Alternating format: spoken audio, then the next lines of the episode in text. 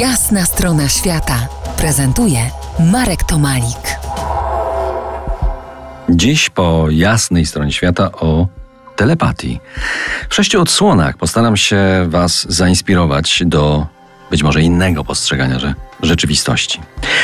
Aby ruszyć z miejsca, muszę cofnąć się jakieś 7, może 8 lat. Otóż jechaliśmy w otchłań przepasnego, pustynnego outbacku, o ile dobrze pamiętam, na trasie do Buringura, czyli do góry Mont Augustus w Australii Zachodniej. W środku niczego spotkaliśmy rdzennego, który z dala od jakiejkolwiek osady spokojnie szedł przez, przed siebie. Na tym pustkowiu był jak UFO.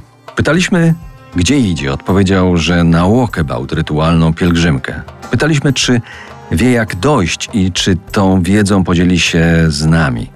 Odpowiedział, że tam daleko czekają na niego, że myśl, pieśń wyznacza trasę. Mapa mu niepotrzebna. Kilka lat później, w 2016 roku, zatrzymałem się na kilka dni w Sydney. Pod dach przyjął Jack, od wielu lat mój bardzo dobry mate. Y, kiedyś pracował w zespole redakcyjnym Australian Geographic. Kiedy zdradziłem, że zamierzam przewietrzyć zakurzone półki Biblioteki Stanowej Nowej Południowej Walii, zaoferował pomoc. Bez jego karty bibliotecznej buszowanie po przepasnych archiwach najpiękniejszej biblioteki, jaką kiedykolwiek odwiedziłem, byłoby naprawdę bardzo trudne.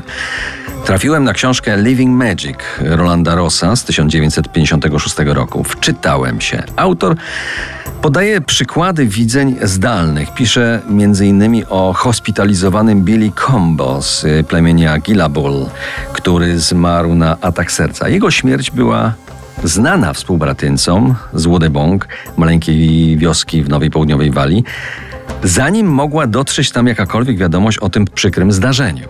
Walter Page, aborygen o nadprzeciętnej inteligencji, miał to objaśnić tak. Której cytat.